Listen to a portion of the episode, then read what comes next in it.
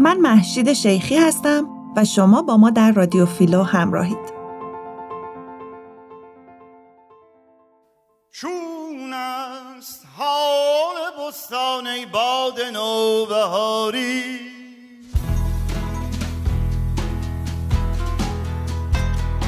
کس بلبلان برآمد فریاد بیقراری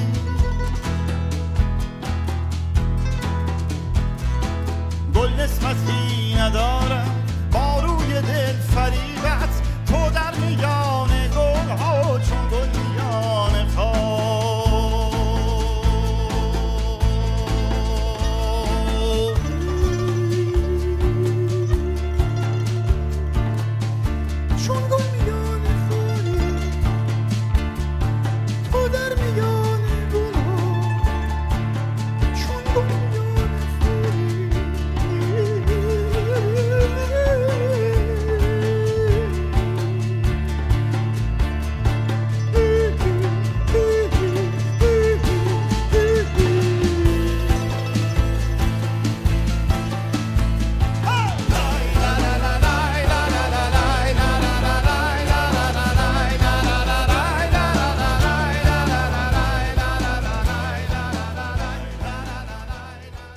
دوستان و همراهان درود. در اپیزود قبل براتون گفتیم به مناسبت نوروز جاویدان دو اپیزود براتون آماده کردیم که به ریشه های این آین باستانی ایران بپردازیم. اولین اپیزود رو به فلسفه و ریشه های نوروز اختصاص دادیم و قرار شد در اپیزود دوم که اپیزود حاضر هست به آین و رسوم بپردازیم. اپیزود قبل رو با نقل قولی از میشل فوکو در خصوص تبارنامه تاریخی نوروز شروع کردیم و گفتیم که بشر همیشه در جستجوی اسناد و بررسی اصالت و تقلب اسناد بوده تا بتونه گذشته ای رو که به سوی خاموشی رفته بازآفرینی کنه. اما کار تاریخ نگار اکنون این هست که چطور سند رو واکاوی کنه و به درون اسناد بره تا گذشته رو به صورت جدایی ناپذیری به اکنون خودش پیوند بزنه و به اکنون خودش معنی بده. با این روی کرد گفتیم که نوروز یک جشنه و جشن همیشه در معنای فرج بعد از شدت بوده و بشر بعد از اینکه از آزمونهای سخت طبیعت بیرون می اومده به خودش جایزه ای می داده که ما بهش یسن یا جشن میگیم و حامل سه ویژگیه. اول اینکه نوعی آزادی از انقیاد و گشایش رو با خودش همراه داره. دوم اینکه ویژگی آینگی داره و اون اراده دانایی خواهانه و قدرت خواهانه و کام خواهانه بشر در آینهاش و بازیهاش به نمایش در میاد و بعدیش که به ریشه شناسی کلمه یسن برمیگرده که از بنداد یز میاد نوعی روش و آداب برپا نگه داشتن هستیه به گونه ای که صلح با خود و صلح با دیگری رو برقرار کنه و اینها همه به افتخار گیتیه که قرارگاه ماست. بعد به جهانبینی زروانی که یکی از قدیمترین آینهای ایرانی بوده پرداختیم و در مورد استوره زروان و معانی واجه های روز و روزگار و گردش گوهری و زمان توضیحاتی دادیم که پیشنهاد می‌کنیم حتما اپیزود قبل رو گوش کنین تا این مفاهیم رو روشنتر دریابین. گفتیم این جهانبینی حامل این معناست که هر موجودی در یک حرکت استکمالی یعنی رو به کمال قرار داره که مثل گیتی این رشد رو مدیون خودش و جنبش و خیزش از درون خودش هست و این حرکت جوهری هر نطفه ای رو می‌خواد به مقام کمال خودش نائل بکنه. گفتیم ذهن ایرانی ذهنیه که روز رو میطلبه نه شب رو. نوروز رو میطلبه نه یک دنیای ثابت ایستمند و فاقد تحول رو. پس مدام دنبال تولد دوباره است که این تولد دوباره هم در زمان اتفاق میفته. این میل به تولد دوباره با مفهوم خورنه یا فروهر ادا میشه که اون فرشته باطنی اندیشه است در هر آدمی که به اون نوید آشتی با طبیعت خودش و راز گیتی رو میده و مراد اینه که بشر از درون خودش به جانب عالم وجود راه پیدا کنه و میگه اوج تعالی گیتی خودش رو به صورت روح و مینو نشون میده. در خصوص سرچشمه های سومری نوروز و استوره های دوموزی و اینانا توضیحاتی دادیم و همچنین امشاس پندان رو به طور کامل شرح دادیم و در نهایت اینکه نوروز به یک بنیاد وحدانی و عمیقا یکتا پرستانه برمیگرده که هیچ ذهن وحدانی نمی‌تونه خودش رو در تقابل و تضاد با اون تعریف کنه و گفتیم که کارکرد فرهنگی این یزنها سه چیز هست نیایش، شادباش و پرسه. ای خستگان گذر کن مرهم به دست و ما رو مجروح می‌گذاری عمری دگر بباید بعد از وفات ما را. عمری دگر بباید بعد از وفات ما را.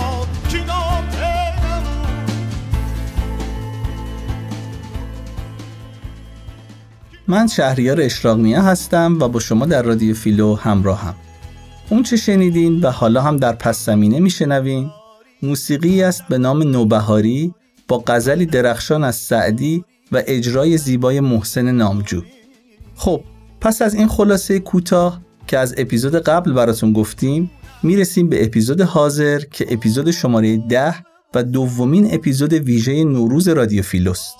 با توجه به مطالب زیاد و فرصت محدود ما چند عنوان رو از بین موارد بسیار انتخاب کردیم تا بهشون بپردازیم. اولین موضوع بحث تقویم در ایرانه. دومین موضوع نامگذاری هر روز ماه در ایران باستان و موضوع بعدی آین پادشاهان ایرانی در نوروز که بنیادهای رسومی هست که به شکلهای مختلف در حال حاضر انجام میشه. و بعدی آین نوروز بزرگ یا ششمین روز فروردین که کمتر بهش پرداخته شده. نوروز بزرگترین جشن ملی ایرانیانه. جشن رستاخیز طبیعت و تجدید زندگی جشن حرکت و جنبش و تکاپو و کاره عید نوروز گرامی بودن اون نزد ایرانیان بسیار قدیم و کهن هست چنان که پیدایش اون رو به جمشید یا گیومرت نسبت دادن با مطالعه آثار متقدمان به انگیزه های بسیاری درباره برپایی جشن نوروز برمیخوریم که اغلب جنبه داستانی دارند. مهمترین علت و شاید انگیزه راستین این جشن بر اون پای استواره که آغاز ساله و آغاز بهار. سال به دو بخش تقسیم میشه. تابستان یا هاما زمستان یا زایانا. تابستان هفت ماه از آغاز بهار و فروردین ماه بوده تا پایان مهر ماه و زمستان بزرگ که از اول دی ماه تا پایان اسفند و پنجه بزرگ یا ایام کبیسه در شمار بوده. به نظر می‌رسه که ایرانیان شمالی که دین و آین زرتشتی نیز داشتن آغاز سال رو با اعتدال ربیعی یا قرار گرفتن آفتاب در برج حمل شروع کرده و اون رو جشن می گرفتن. اما ایرانیان جنوبی آغاز سال رو با ابتدای فصل سرد و زمستان پنج ماهه برگزار کرده و جشن مهرگان را بسیار گرامی می داشتن که بعدها مفصل در مورد این جشن توضیحاتی خواهیم داد. در ادامه موسیقی رو خواهید شنید به نام باز بهار با اجرای دریا دادور. باد به تن سبزه ها چرخسان دمیده شاخ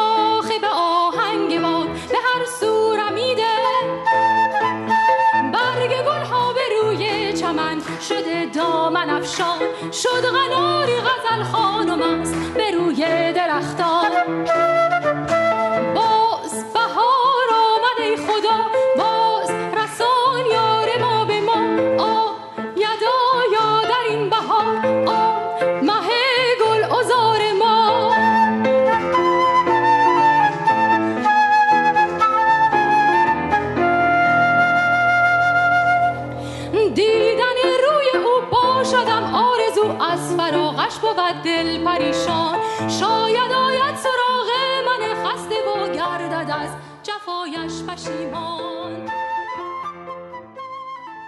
من امیر حسین ابراهیم هستم و با شما در رادیو فیلو همراه خواهم بود.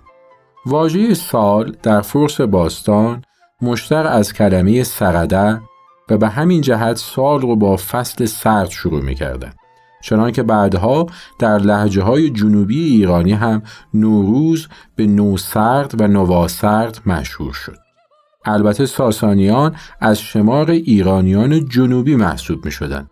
اما چون از رسوم و آین زرتشتی پیروی کردند، نوروز رو به جای مهرگان آغاز سال قرار دادن اما مهرگان رو هم با همون شکوه و جلال و شعایر و تشریفات دیرین برقرار نگاه داشتن و به همین جهته که نوروز و مهرگان در نظرشون یک نوع تقدس داشت و شعایر و آداب یکسانی رو مراعات می‌کردن. با توجه به روایتی که از سلمان فارسی نقل می‌کنن این تقدس و گروش دوگانه ملاحظه میشه. سلمان فارسی میگه که ما در عهد زردشتی بودن می‌گفتیم که خداوند برای زینت بندگان خود یاقوت رو در نوروز و زبرجد رو در مهرگان بیرون آورد و فضل این دو بر ایام دیگر مانند برتری یاقوت و زبرجد است به جواهر دیگر آغاز هر ماه و سال نزد ایرانیان مقدس بوده و مراسم دینی رو بدین مناسبت انجام می‌دادند تقدس آغاز ما به این دلیل بوده که روز اول هر ماه به نام خداوند هورمه از نام داشته و در این روز نمازها یا نمجه های ویژه‌ای تلاوت می شده و در نوروز به ویژه چون آغاز ماه و سال مصادف می شده این رو به فال نیک می گرفتن و جشن و شادی رو برایش برگزار می کردن. چنانکه منوچهری گفته اورمز دست و خجسته سر سال و سر ماه تیمون و تبرک روز اول ما در ایران دوره اسلامی هم همچنان باقی میمونه و با تغییر دین روزهای اول ماه قمری مقدس شمرده می شده و ایرانیان اون رو بسی محترم شمرده و اعمال مذهبی ویژه‌ای رو برای اول ماه به جای می آوردن. یکی از منابع ادبی مهم در باب نوروز نوروزنامه خیامه.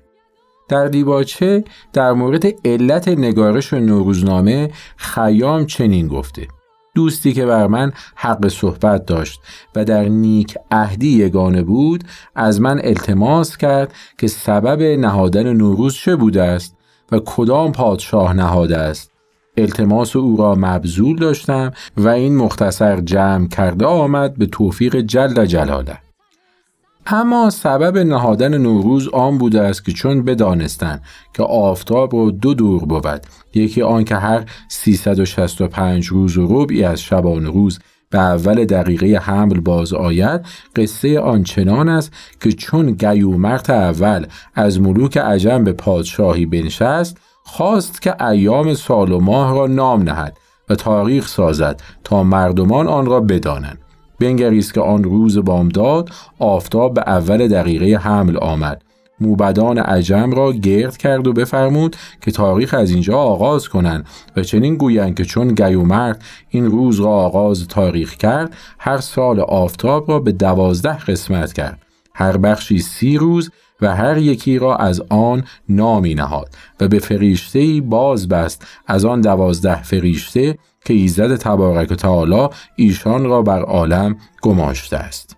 پس آنگاه دور بزرگ را که 365 روز و ربعی از شبان روز است سال بزرگ نام کرد و به چهار قسم کرد چون چهار قسم از این سال بگذرد نوروز بزرگ و نوگشتن احوال عالم باشد و بر پادشاهان واجب است آین و رسوم ملوک به جای آوردن از بحر مبارکی و از بحر تاریخ و خورمی کردن به اول سال هر که روز نوروز جشن کند و به خورمی بپیوندد تا نوروز دیگر اوم در شادی و خورمی گذارد و این تجربت حکما از برای پادشاهان کردند.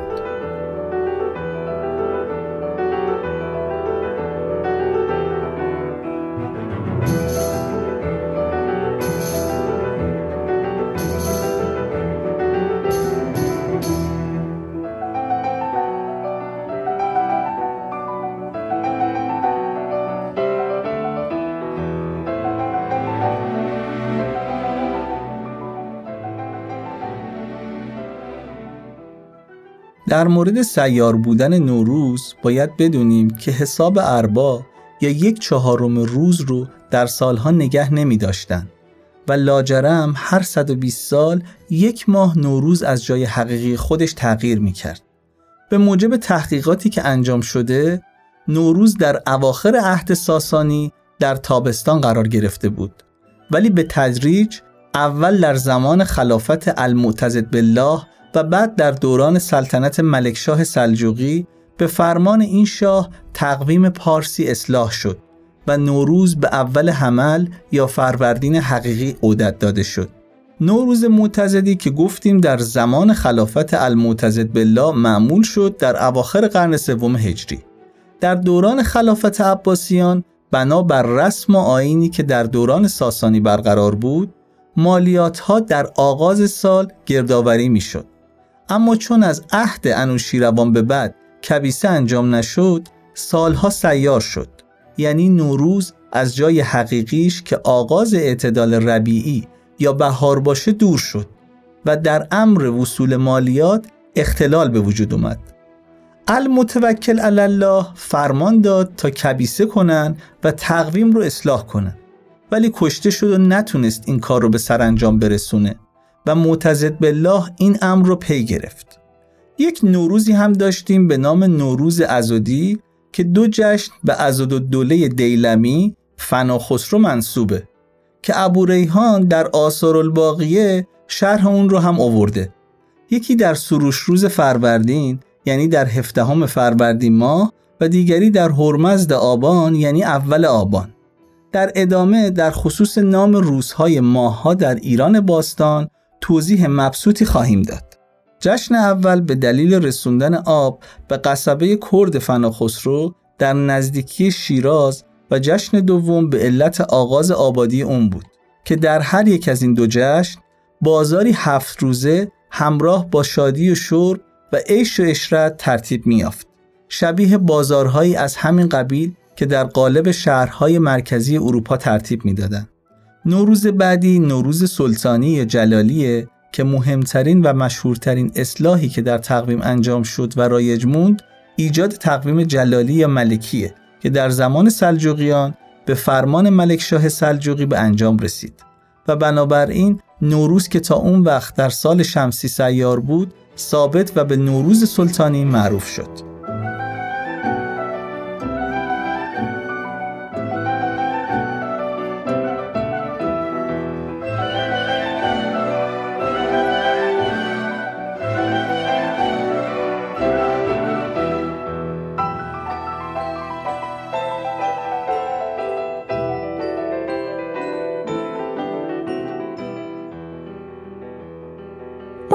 پس زمینه شنیدین و اینک هم دارین میشنوین یکی از زیباترین آثار شهرداد روحانی به نام رقص بهار.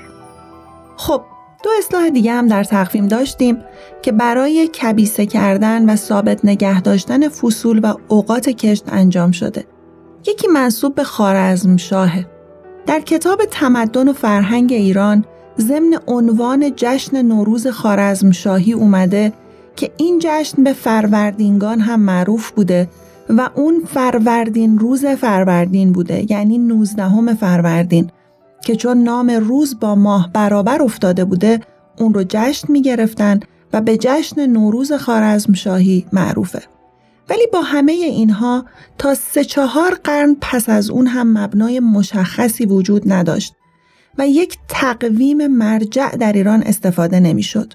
تا اینکه در ابتدای سده هشتم هجری قازان خان از مغولان به شهریاری رسید که در تاریخ اومده که بسیار مدبر و کاردان بوده و به علم نجوم و شناختش علاقه وافر داشته و در رصدخانه مراقه بسیار مطالعه می کرده. به همین جهت در صدد اصلاح تاریخ برمیاد تا اختلافهای موجود رو رفع کنه.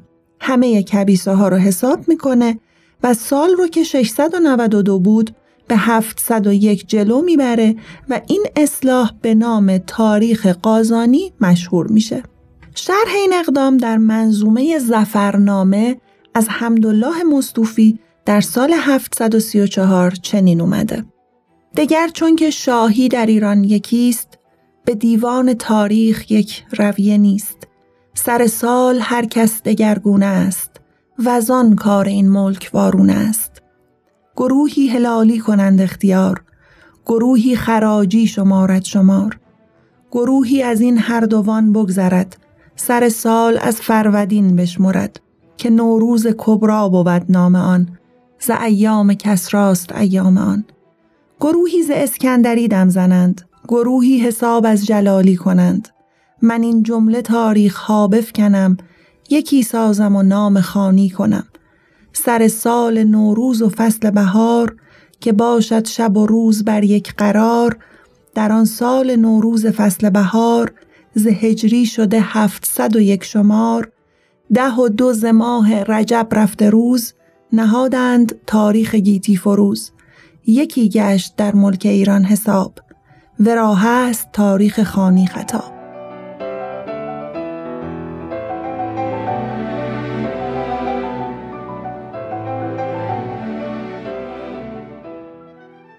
موضوع بعدی که می‌خوایم در موردش صحبت کنیم اینه که در ایران باستان هر روزی از سی روز ماه اسمی داشت که به اون نام نامیده می‌شد. در ایران باستان سال به دوازده سی روز تقسیم می شده و پنج روز به نام پنجه دزدیده هم بهش اضافه می شده تا به 365 روز برسه.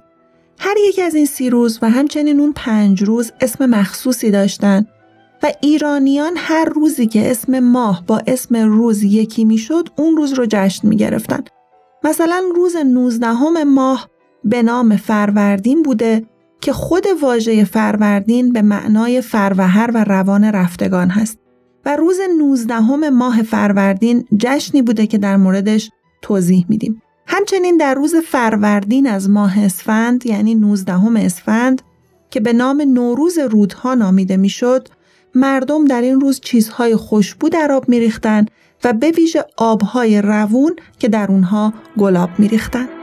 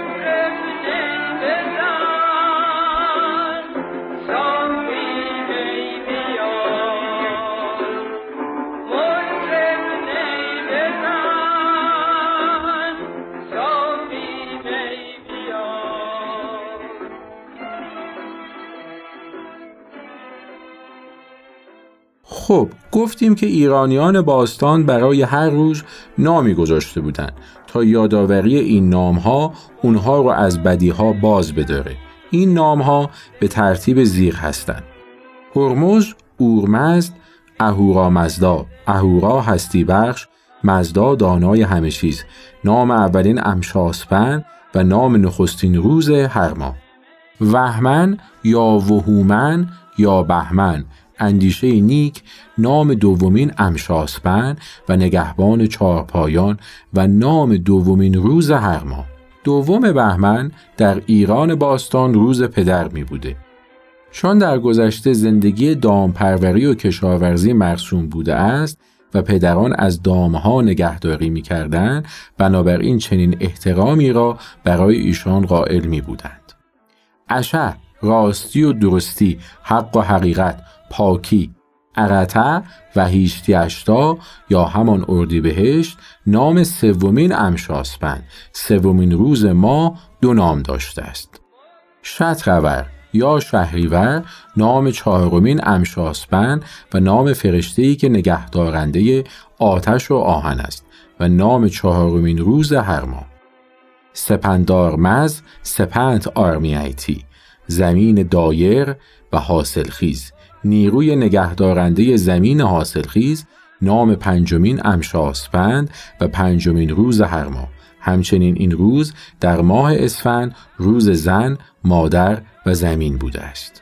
خوورتت یا حورتاد خرداد ششمین امشاسپند از هفت امشاسپند که نگهبان تندرستی، آسایش و خوشبختی هستند و نام ششمین روز هر ماه.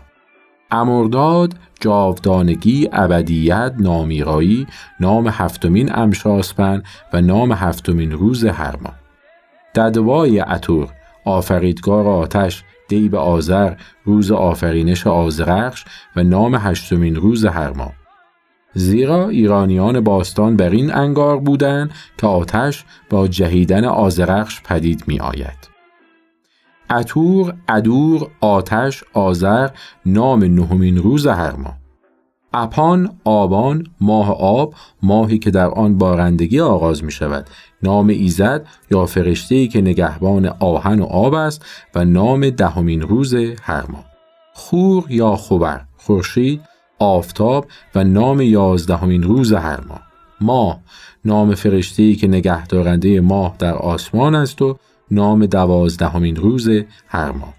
تیر، درخشان، تابان، تیر، ستاره تیر یا عطارد، ستاره باران، ستاره تابان، نام سیزدهمین روز هر ماه. گوش یا گشرون، نام ایزدی که نگهبان چهارپایان است و نام چهاردهمین روز هر ماه. ددوه پته میسره به مهر آفریدگار مهر ددوئی رچ دی روز آفریننده روز نام پانزدهمین روز هر ماه.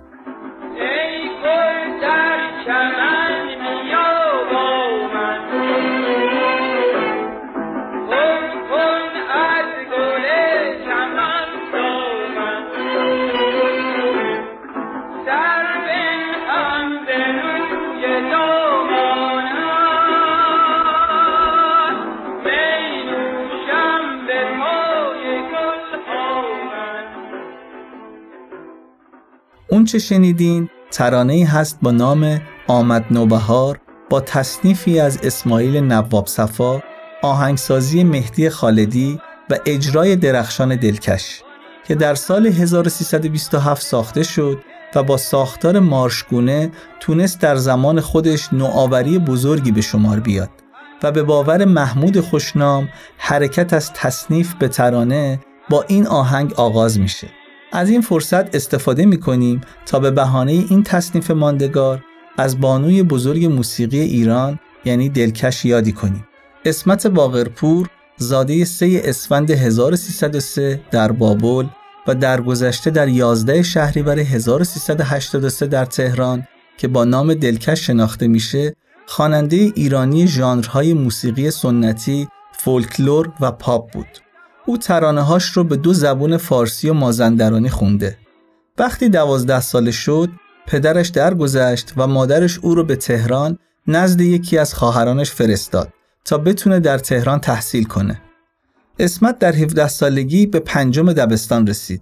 در اون زمان دانش آموزان پنجم و ششم دبستان هفته یک ساعت آموزش موسیقی می‌دیدند و به اونها سرودهای میهنی آموزش می‌دادند.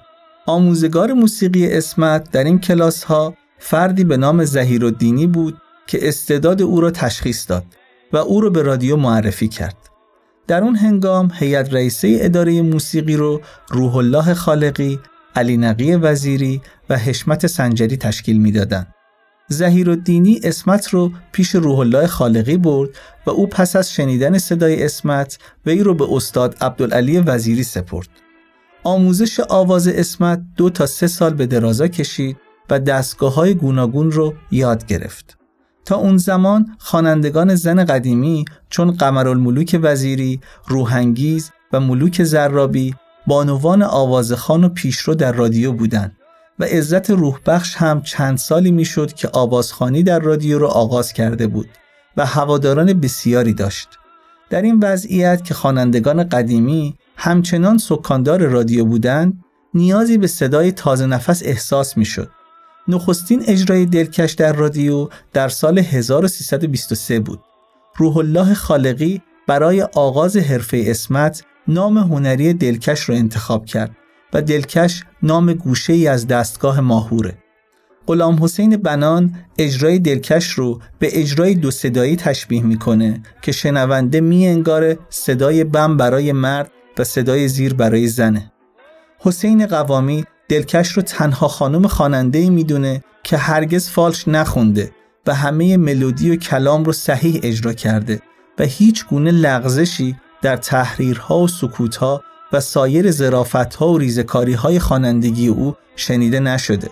درباره دلکش گفته شده که دلکش وقتی می‌خوند مملکتی ساکت می‌شد تا صدای او رو بشنوه.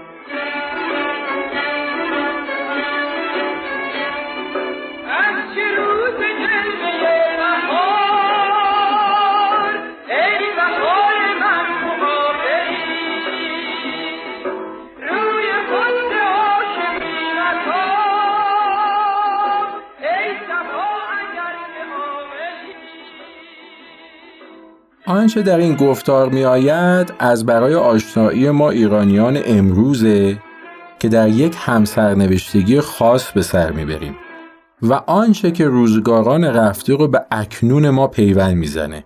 این راه نه صرفا از دریچه بررسی حکمتها و افکار که در واقع بازتابی از حقایق کوچک بی ادعا درباره نحو بود و باش ما ایرانیان در زمان یعنی تقویم و گاه شماری و شیوه برخورد ما با روزمرگی خودمون. چیزی که شاید باید از نو اون رو کشف کنیم. بسیار خوب. اسامی روزهای ماه رو تا روز 15 هم گفتیم و این نامها رو از روز 16 هم به این ترتیب ادامه میدیم. میر، مهر، میترا، نیروی نگهدارنده روشنایی. پیش قراول خورشید، پیمان، عهد و میثاق، مژده، هماهنگی، سازگاری، توافق، رفاقت. نام شانزدهمین روز هر ماه سروش نام ایزد فرمانبرداری است. نام هفدهمین روز هر ماه رشن رشن اوستایی رشنی نام ایزد نگهبان دادگری و راستی و پیروزی. ایزدی که در سر پل چینود در روز سوم پس از مرگ کارهای نیک و بد مردگان را بررسی می کند و نام هجدهمین روز هر ماه. فرورتیکان یا همان فروردین روز و ماه آفرینش انسان نخستین انسان که همان کیومرس باشد. روز و ماهی که در اون در جانداران جان دمیده می شود وهرام دشمن شکن یا پرچمدار مزدا اهورا. ستاره بهرام یا همان مریخ نام بیستمین روز هر ماه. رام رام روز آرام شاد و خوشحال نام بیست روز هر ماه. وات یا بات باد نیروی وزاننده بادها نام بیست و دومین روز هر ماه. دد دن دی به دین آفریدگار دین نام بیست و سومین روز هر ماه. دن دعنه دین دیناگ کیش مذهب حکم دینی نام بیست و چهارمین روز هر ماه. ارد ارد اراد ارته نام ایزد نگهبان دارایی صداقت و راستکرداری. ارشتاد ایزد نگهبان راستی، درستی، حقیقت، دادگری، عدالت. نام 26 مین روز هر ماه. آسمان، اسمان، غچ اسمن، اسامان، آسمان روز نام 27 مین روز هر ماه زامیات، زامیاد، ایزد نگهدارنده زمین، گاهنما، سالنما، تقویم، سررسید، نام 28 مین روز هر ماه مارسپند منثر سپنتا مارسپند. سخنان مقدس کلام وحی نام 29 روز هر ماه انغران بی پایان نامحدود بی انتها روشنایی بی پایان نام سیومین روز هر ماه. چون سال 365 روزه و نامهایی که نوشته شده 360 روز رو در بر می‌گیره برای هر یک از آن پنج روز نیز نامی نهادند. اهوانت گاس اوستایی اهون و ایتی گاسا سروده های برآورد کننده دعا نام سی و یکمین روز تیر ماه اوشتت گاس اوشته و ایتی تندرستی سلامتی خوشبختی رستگاری اشوه گاس یا گات نام سی و یکمین روز خرداد ماه سپنتو منگاس سپنتا تو گاسا. نام سومین گات از گاتها که بندهای آن با سپنتا منیو آغاز می شود شروده های روان بخش روح بخش نام سی و یکمین روز فروردین ماه. و او خشت گاس و او خشت ره گاسا نام گات های چهارم به نام وهو خشتره که ساده ترین بخش گات هاست. پادشاهی، فرمانفرمایی، شهریاری، حکومت و ریاست نیکو نام سی روز امرداد ماه و هیچ تو گاس اوستایی و هیچ توی یشتی گاسا نام گات پنجم بهترین آرزو درخواست تقاضا نام سی و روز اردی بهشت ماه است.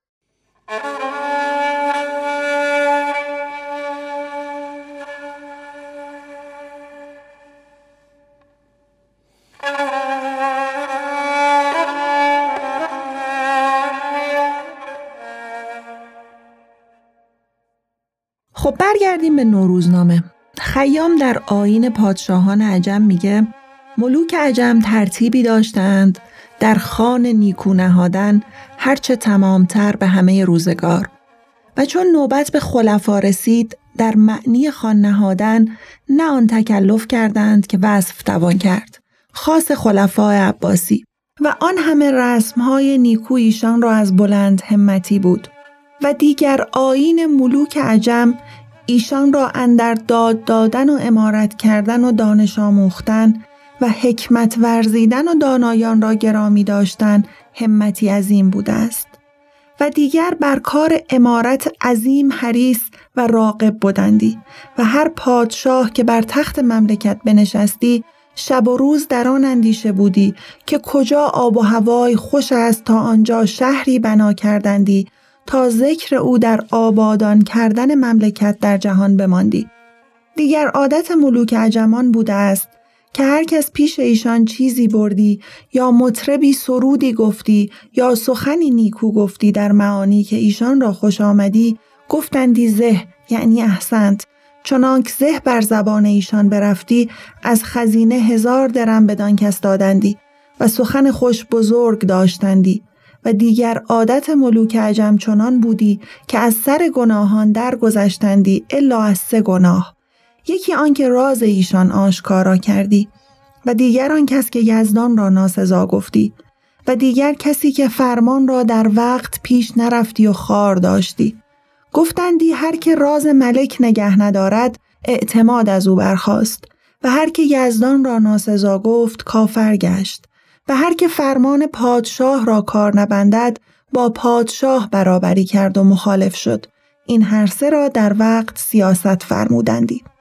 آین ملوک عجم از گاه کیخسرو تا به روزگار یزدجرد شهریار که آخر ملوک عجم بود چنان بوده است که روز نوروز نخست کس از موبد موبدان پیش ملک آمدی با جام زرین پرمی انگشتری و درمی و دیناری خسروانی و یک دست خید سبز رسته و شمشیری و تیر و کمان و دوات و قلم و اسپی و بازی و غلامی خوب روی و ستایش نمودی و نیایش کردی او را به زبان پارسی به عبارت ایشان.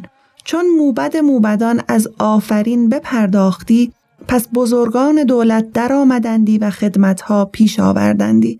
آفرین موبد موبدان به عبارت ایشان چنین بود. شها به جشن فروردین به ماه فروردین آزادی که از این یزدان و دین کیان سروش آورد تو را دانایی و بینایی و کاردانی و دیرزی با خوی هژیر و شاد باش بر تخت زرین و انوشه خور به جام جمشید و رسم نیاکان در همت بلند و نیکوکاری و ورزشداد و راستی نگاه دار. سرت سبز باد و جوانی چون خید. پت کامگار و پیروز و تیغت روشن و کاری به دشمن و بازت گیرا و خجسته به شکار و کارت راست چون تیر و هم کشوری بگیر نو. بر تخت با درم و دینار. پیشت هنری و دانا گرامی و درمخوار و سرایت آباد و زندگانی بسیار. چون این بگفتی چاشنی کردی و جام به ملک دادی و خید در دست دیگر نهادی و دینار و درم در پیش تخت او بنهادی و بدین آن خواستی که روز نو و سال نو هرچه بزرگان اول دیدار چشم بران افکند تا سال دیگر شادمان و خرم با آن چیزها در کامرانی بمانند و آن بر ایشان مبارک گردد که خرمی و آبادانی جهان در این چیزهاست که پیش ملک آوردندی.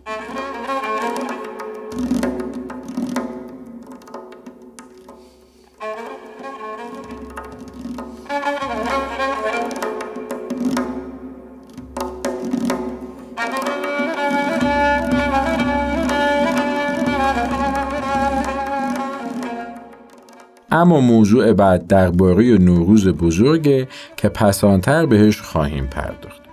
تقارن چند تا جشن سبب امتیاز ویژه و فوقالعاده نوروز و گسترش و شمولش به روزهای قبل و بعد خودش شده.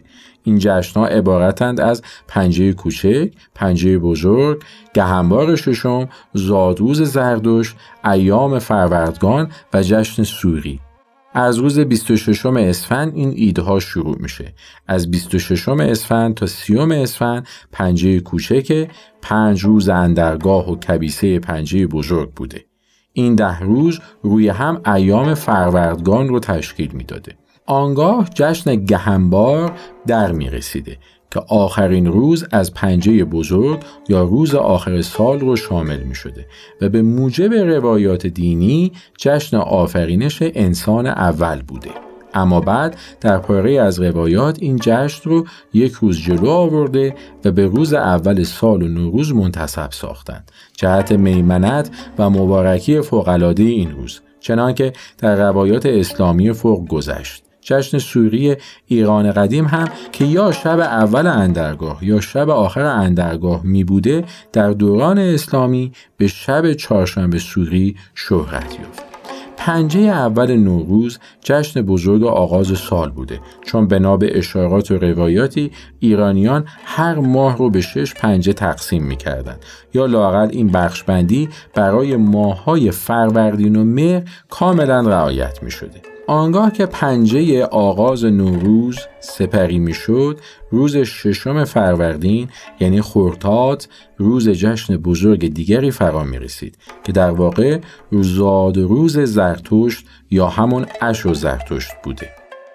آنچه که برای شما بیان شد بخش مهمی است از آداب و معاصر زردشتیان در طول تاریخ.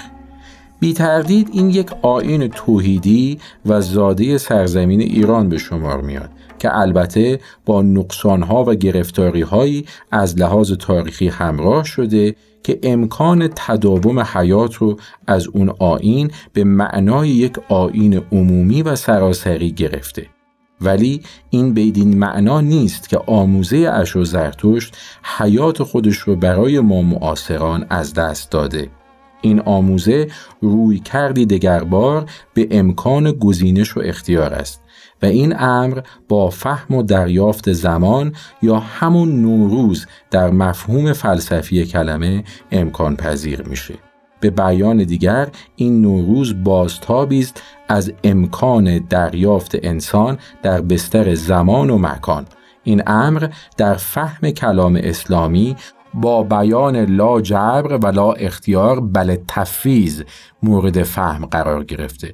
بنابراین به نوعی همخانی و سازگاری میان جهاننگری اصلی زردشت و نه صرفا آینها و رسوم زردشتیان و آین اسلام پی می‌بریم.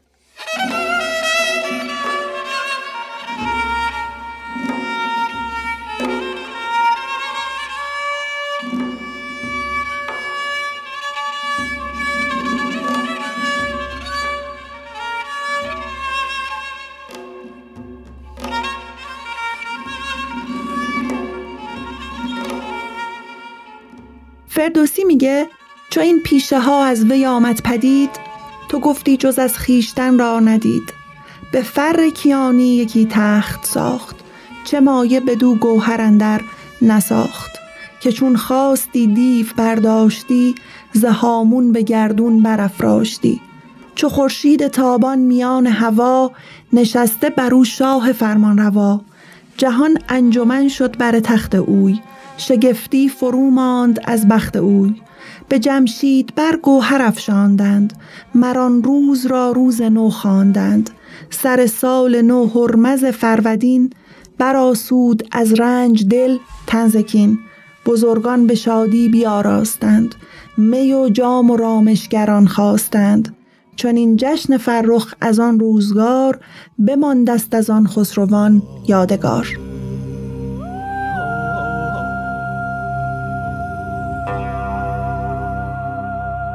ابر در گوشم تنین ساز باران را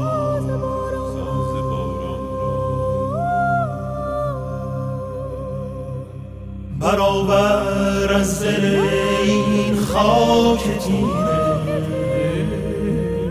سبزه باغ بهاران.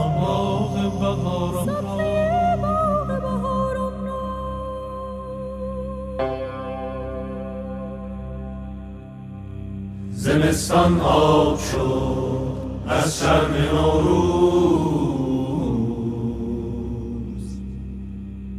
بهاران آمده امروز.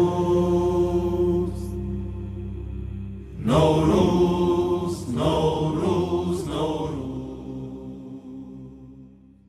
اون چه شنیدین موسیقی بود با اجرای همایون شجریان و سهراب پورناظری و ترانه زیبایی از جاودانیاد اسحاق انور اسحاق انور زاده یک اردیبهشت 1351 و در گذشته سه تیر 1398 در تهران شاعر، خواننده و آهنگساز بود.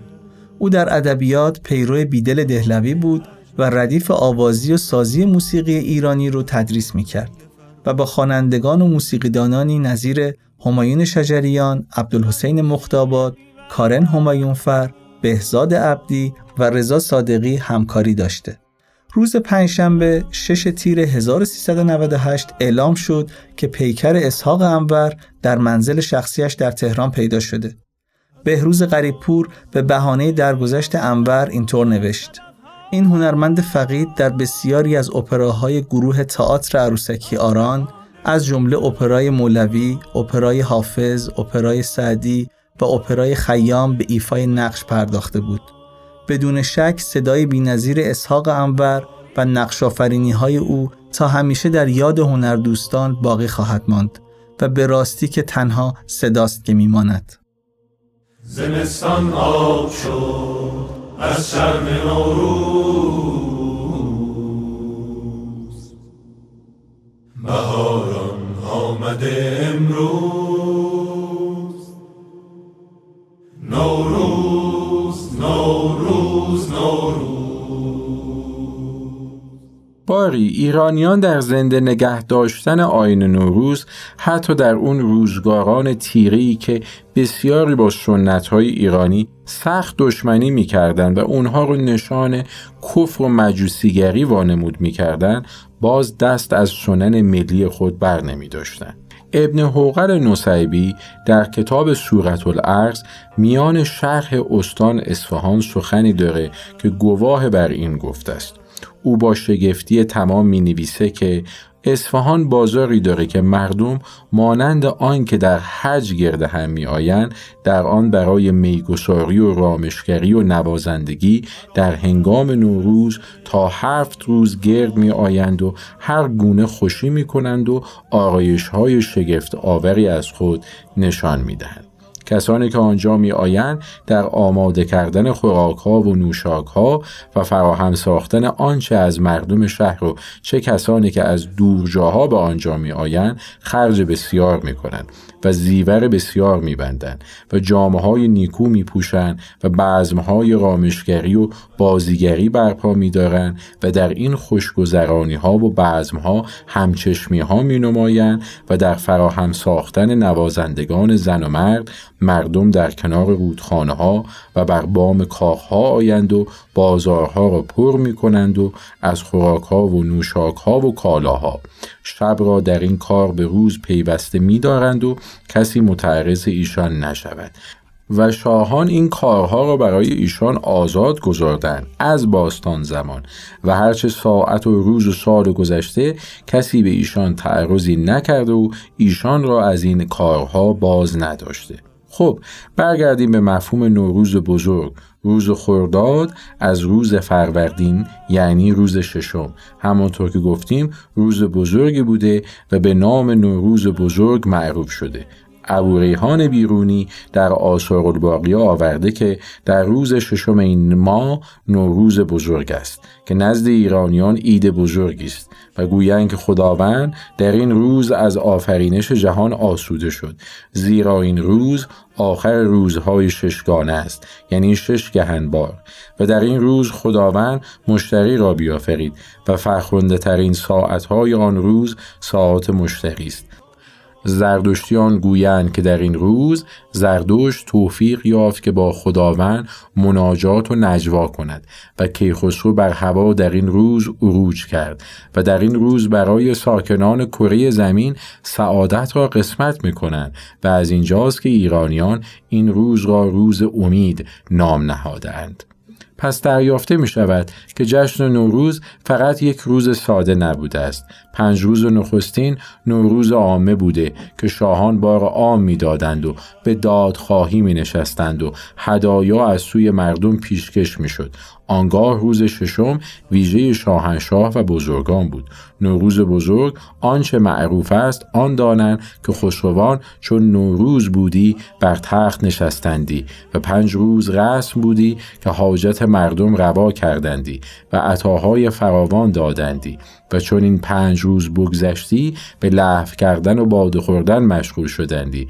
پس این روز از این سبب بزرگ کردندی و گفتند که آن روزی است که جمشید مردم را بشارت دادی به بیمرگی و تندرستی و آموزندگی.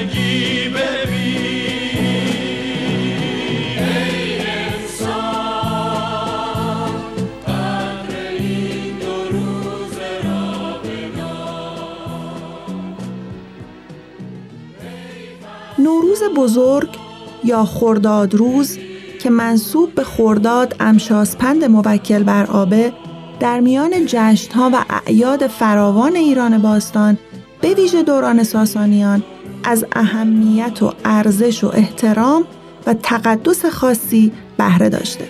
هنوز هم این روز در میان زرتشتیان چنان که در اسناد پهلوی اومده بزرگترین عید و جشن تولد زرتشت و سرور همه روزهای ماه و ساله. در پهلوی رساله ای هست به نام ماه فروردین روز خرداد که بسیاری از حوادث مهم رو به این روز منتصب می‌کنه که در اینجا چند مورد رو برای نمونه ذکر می‌کنیم. در این روز در پیکر مردم جان و جنبش به وجود آمد. ایران زمین در چنین روزی پیدایی یافت. نخستین جفت بشر مهری و مهریانی مشی و مشیانه چون دو ساقه ریواس از زمین رستند. هوشنگ پیشدادی در این روز به پیدایی آمد. تحمورس اهریمن را به بند کشید و مدت سی سال در بند نگاه داشت. جمشید جهان را بیمرگ و مردمان را همیشه جوان کرد. جمشید پیمانه چیزها بیاورد. فریدون جهان را میان سه پسرش سلم و تور و ایرج بخش کرد. سلم و تور بر ایرج رشک بردند و او را بکشتند. منوچهر در این روز به خونخواهی ایرج بیرون آمد و سلم و تور را بکشت. زرتشت مورد وحی و همپرسگی اهورامزدا قرار گرفت. زرتشت آین مزد یسنه را آشکار کرد. می‌بینیم که این روز یعنی روز خرداد از فروردین چنان مقام والایی داره که همه حوادث بزرگ رو بهش نسبت دادن. منابعی که برای این اپیزود استفاده شده آثار الباقیه ابو ریحان بیرونی، نوروزنامه خیام به تصحیح علی حسوری و کتاب نوروز و سوابق تاریخی آن تا امروز اثر حاشم رزی هست. هر روزتان نوروزی دگر باد.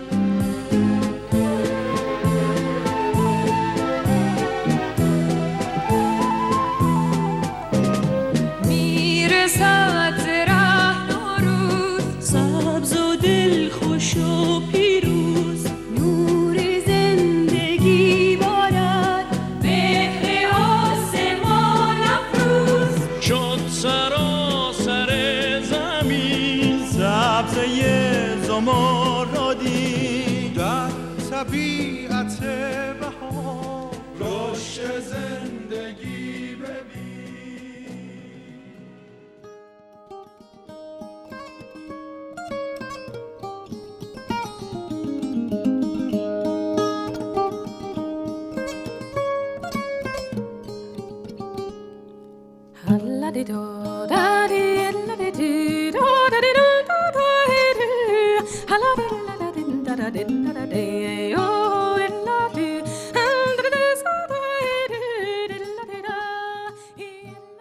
این اپیزود در فروردین ماه سال 1401 ضبط شده و در هشتم فروردین ماه 1401 در دسترس شما دوستان عزیز قرار خواهد گرفت. راویان این اپیزود امیر حسین ابراهیم، شهریار اشراقنیا و محشید شیخی هستند. محتوای اپیزود به طور مشخص توسط امیر حسین ابراهیم آماده شده و پژوهش های مرتبط توسط محشید شیخی صورت پذیرفته. کارگردانی هنری و آماده سازی متنها توسط مهشید شیخی و شهریار اشراق‌نیا انجام شده. ضبط پادکست در اسفندیار استودیو انجام شده و میکس و mastering صدا توسط محمد رضایی صورت پذیرفته. با سپاس از سویل فاتحی عزیز بابت همراهی با این اپیزود رادیو فیلو. ما رو در اینستاگرام رادیو فیلو می‌تونید دنبال کنید که در اونجا بخش هایی از محتوای مربوط به هر اپیزود رو برای شما به اشتراک می‌گذاریم.